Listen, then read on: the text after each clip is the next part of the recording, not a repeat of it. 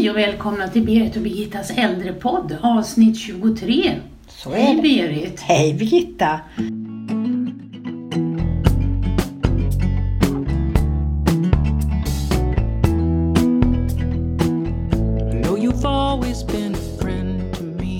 Ja, så är det.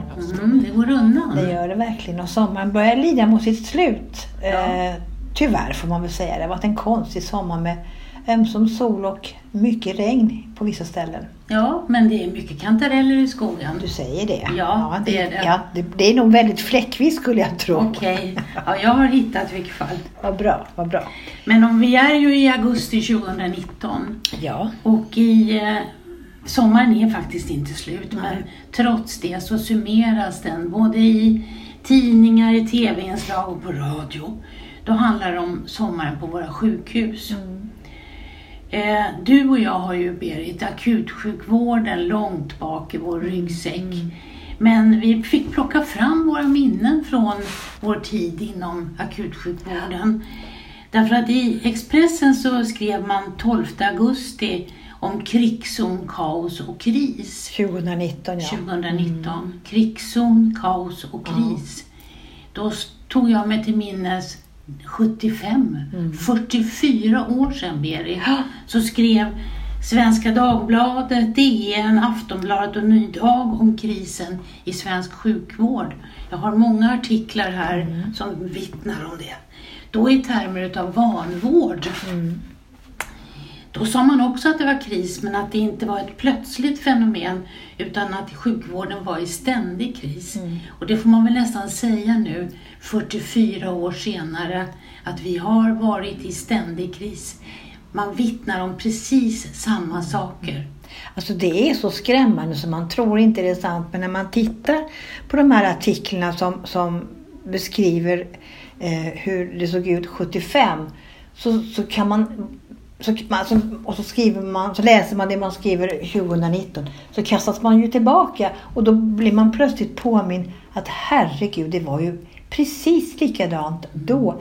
Varför ser det ut som det gör då och liksom nu? Mm. Ja, det kan man verkligen fråga sig. För att då pratade man också om stress, man pratade om underbemannade enheter, man pratade om övertid, man fick inga lunch, man fick inga raster. Man pratade om hög personalomsättning, man pratade till och med om att det var 110 procents omsättning på vårdbiträdena som ju då fanns som en yrkesgrupp på 70-talet. Eh, Man pratade om stresssjukdomar hos personalen och outbildad personal som man plockade hem in på enheterna utifrån gatan. Och det har ju du varit med om Berit, att du raggar folk på det sättet. Ja, på 80-talet så stod vi faktiskt utanför eh, allmänna kommunikationsmedel och försökte ragga folk som var på väg till andra arbetsplatser och, och försökte locka folk till vården och, och berättade hur fantastiskt det var att jobba för att vi skulle kunna få några eh, att eh, nappa på det. Och, eh, Ja, det, borde, det ser ut att det borde vara samma sak idag alltså, men, men frågan är ju var hittar man den personalen? Man har ju inte bara i akutsjukvården i sommar beskrivit problem med personal utan man har ju även inom äldreomsorgen haft svårt att rekrytera. Och många kommuner har ju vittnat om att deras rekrytering inför sommaren har fått fortsätta hela sommaren. Ja. Den blev aldrig klar Nej. Därför att man lyckades aldrig fylla alla luckor. Nej, nej. Och att det har varit mycket övertid även inom äldreomsorgen. Jo, men det hör man ju när man, när man möter sin, sina före detta medarbetare. Att de, är, de, de visar upp ett väldigt uppgivet sätt och de tycker att det är jättejobbigt. Att de är kvar fortfarande beror på att de känner så pass mycket för sina brukare. Och det ska politikerna vara tacksamma för. Annars skulle vi inte ha någon kvar. Nej, nej absolut inte. Ehm, här beskrev man också nu i augusti från ett sjukhus i Sverige om att man hade, man hade inte platser tillräcklig mängd utan man blev kvar på akuten, man fick ligga i korridorer, man fick ligga i, på expeditioner och det såg precis ut så 1975. Vi har en bild ifrån ett sjukhus i Stockholm där det låg folk i korridorerna och vi hade inte ringklockor i tillräcklig mängd utan vi delade ut skedar i glas som de fick slå med om de behövde ha hjälp. Mm. Och där fick man alltså ligga i korridoren och äta och göra sina behov. Eh, Och, eh, Mm. Inför öppen ridå. ja, han hade, Och det är precis samma sak idag. det är precis samma sak idag. Jag läste om en, en man som inte fick någon hjälp utan han gick så småningom hem. Han hade ett njurstensanfall då, men han beskrev en äldre kvinna som, som ville ha hjälp att komma på toaletten men ingen hade tid att hjälpa henne. Och det var nu i augusti. Utan de sa till henne att hon fick kissa i en blöja. Ja, det, det, det är inte människovärdigt. Det är verkligen inte... Vart är vi på väg, Birgitta? Det här är skrämmande. Ja, det som är skrämmande det är att det är samma bild som målas upp 44 år efter alla de här artiklarna. Men då säger kanske vän av ordning, ja men, men folk låg ju kvar av helt andra skäl 75 och Ja, så. det gjorde de. Man gjorde helt andra saker. Man, en gallstensoperation till exempel fick man ju ligga inne kanske en hel vecka. Mm. Idag får du nästan inte ligga under operation. Utan du skickas hem ganska fort och det finns massor med saker. Och vi gör ju mycket mera med våra eh, inom sjukvården än vad man gjorde då. Men trots allt, trots all teknik så ser det likadant ut ändå. Man kan inte skylla på att vi gör mera saker tycker jag. Nej, det ser ju precis likadant ut för den enskilde människan. Ja. Alltså att man är, man fin, det finns inte tid för en. Man känner att man är i vägen. Man Mm. får inte en värdig omvårdnad utan man blir liggande i en korridor. Mm. Eh, på 70-talet då, då hade man ju, man pratade också om att köerna på de som väntade på operation bara ökade. Mm. För man hade inte tid att ta in dem och det, då hade man ju ingen vårdgaranti. Men nu pratar man ju precis samma sätt. Vårdköerna ökar igen. Mm. Det dröjer, man kan inte ha den här vårdgarantin på 90 dagar för vissa operationer. Utan det är mycket mera. Det är precis samma sak det också.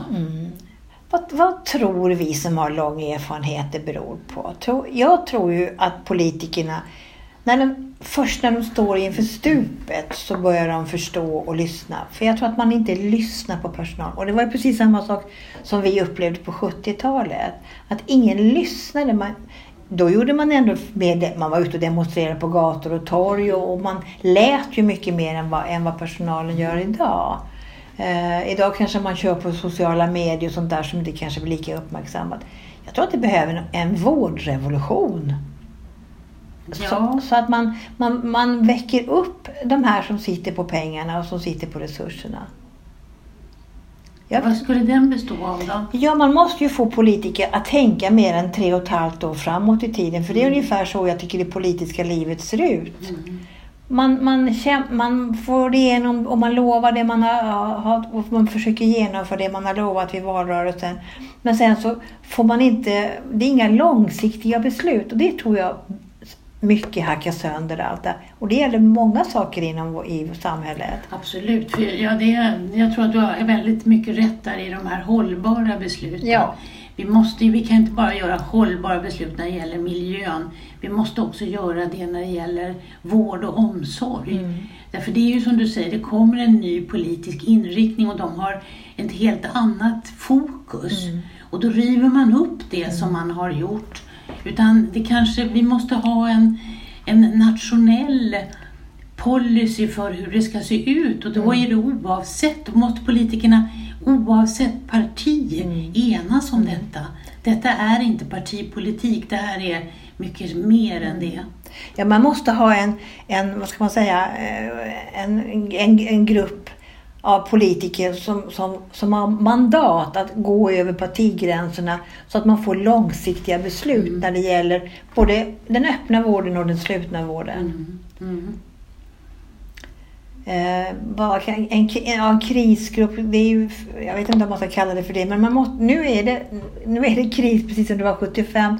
Och jag, jag är skrämd över att se att det har inte ändrats nästan någonting. Även om mycket har blivit bättre inom, inom stora områden. Men det är som du säger, för den enskilda personen som drabbas av det här, att bli liggande i korridoren, att inte få hjälp, att inte få eh, omvårdnad efter en, en operation. Det gör ju att man blir, man blir man blir väldigt hårt drabbad. Mm. Och dra, mest drabbar de, som vi då brinner mest för, det är våra äldsta, sköraste medborgare. Mm. Ja, absolut. Jag tänker på det här med hemsjukvården som, som i många kommuner fungerar alldeles utmärkt. Men som man valde av, av politiska skäl att ta bort. Och man slog sönder väl fungerande eh, organisationer. Och det var också sånt där kortsiktigt beslut Ja, I Stockholms i län, Stockholms län, ja, Mm, mm. som gjorde det. Och det, var, det blev förödande för väldigt många människor som, som, Mm. som hade en väl, väl fungerande omvårdnad och vård. Man slapp eh, snabba inläggningar på sjukhus. Det var mycket man kom ifrån och där tror jag att man själv bet sig i foten när man tog bort det. Mm. Det tror jag också, för det var en väl fungerande verksamhet när det väl fungerade. Mm. Eh, och det som är också lite skrämmande det är ju att på 70-talet, Berit, och upplevde både du och jag att vi människor låg i, i korridorer, blev liggande, man lades tidigt, man kunde inte gå upp och träna dem utan de fick ligga mycket. Det var mycket trycksår. Mm. Mycket trycksår, stora fula trycksår. Mm, Det har vi ju nästan helt fått bort. Men det börjar komma tillbaka. Ja, får man inte bukt med det här med personalen som kan det här med omvårdnad, då är det ju tyvärr så att då slår det här tillbaka. Mm. Så att då får man en backlash so- som vi hade då. Och det Mm. var ju oerhört plågsamt för den enskilda personen. Fruktansvärt plågsamt.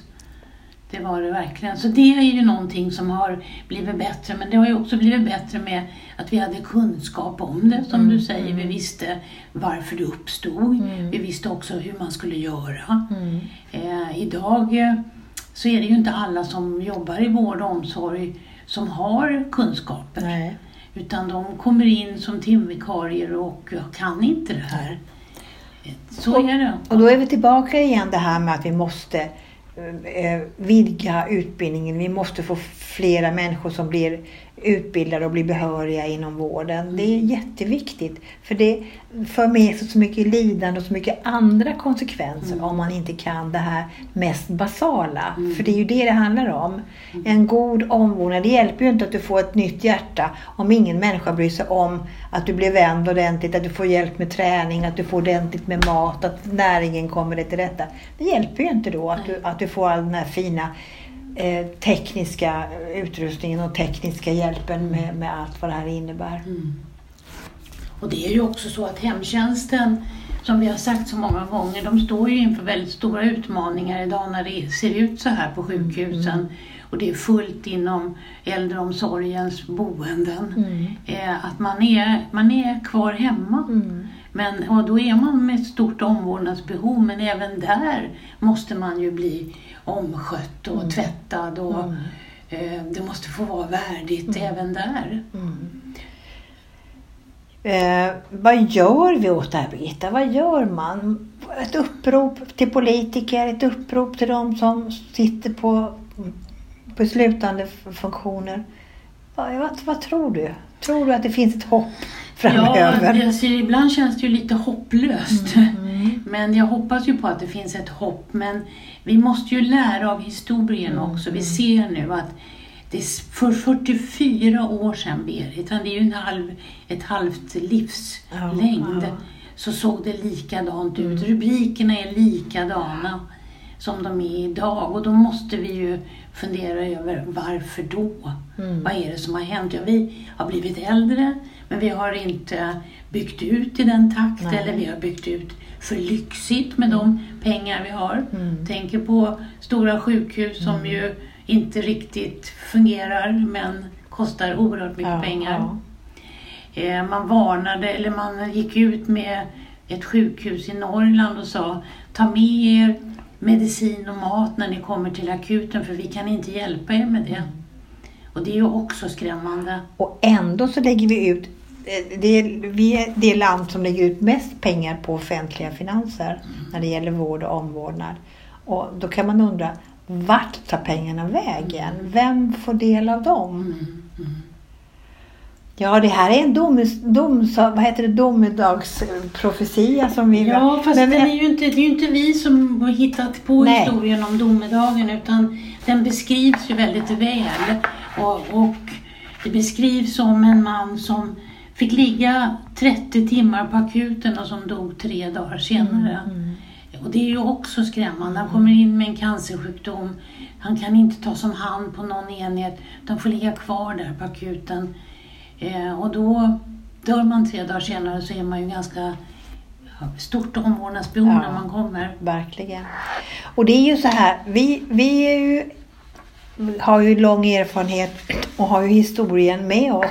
Och det är många med oss som har det. Och någonstans så borde man lyssna på, det fin, den här kunskapen finns ju bland annat på våra pensionärsorganisationer. Det finns äldre personer som har mycket kunskap. Så man borde, det som är skrämmande till exempel är att det finns så få äldre i riksdagen till exempel Mm.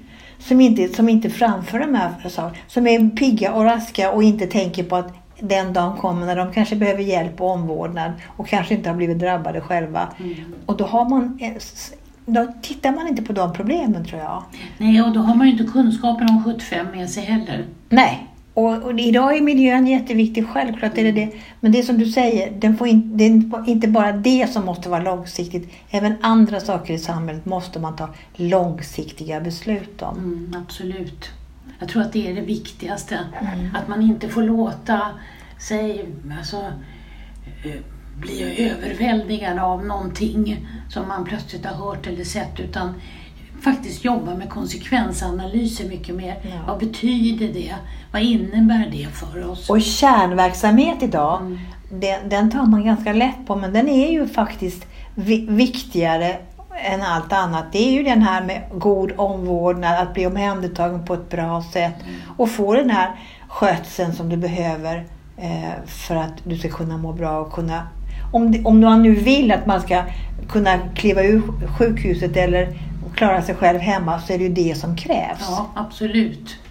Eh, Och då måste vi ju ha, som vi har sagt så många gånger, och inte bara vi, utan det måste till utbildning av personal. Vi måste ha personal som har utbildning. Vi måste satsa på omvårdnadsutbildningen mycket mer. Och vi måste satsa på språkutbildningen så att man förstår vad man lär Vad man sig. läser, ja. Mm. Mm. Och vi måste lyssna på personalen. Att ta deras oro och deras bekymmer på största allvar. Då tror jag man har kommit en bra bit på vägen.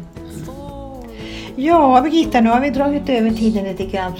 Men det här är ju ett ämne som, som vi brinner för bägge två och som oroar oss oerhört mycket. Så att eh, jag tror vi får sluta där för idag och så får vi säkert komma tillbaka till det här mer än en gång. För det här är en skrämmande framtid som, som vi är oroliga för. Den är vi oroliga för. Tack för idag Berit. Tack själv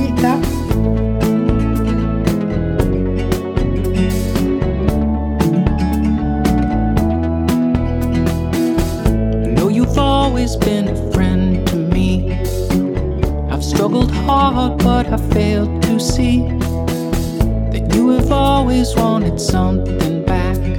You wanted more than this heart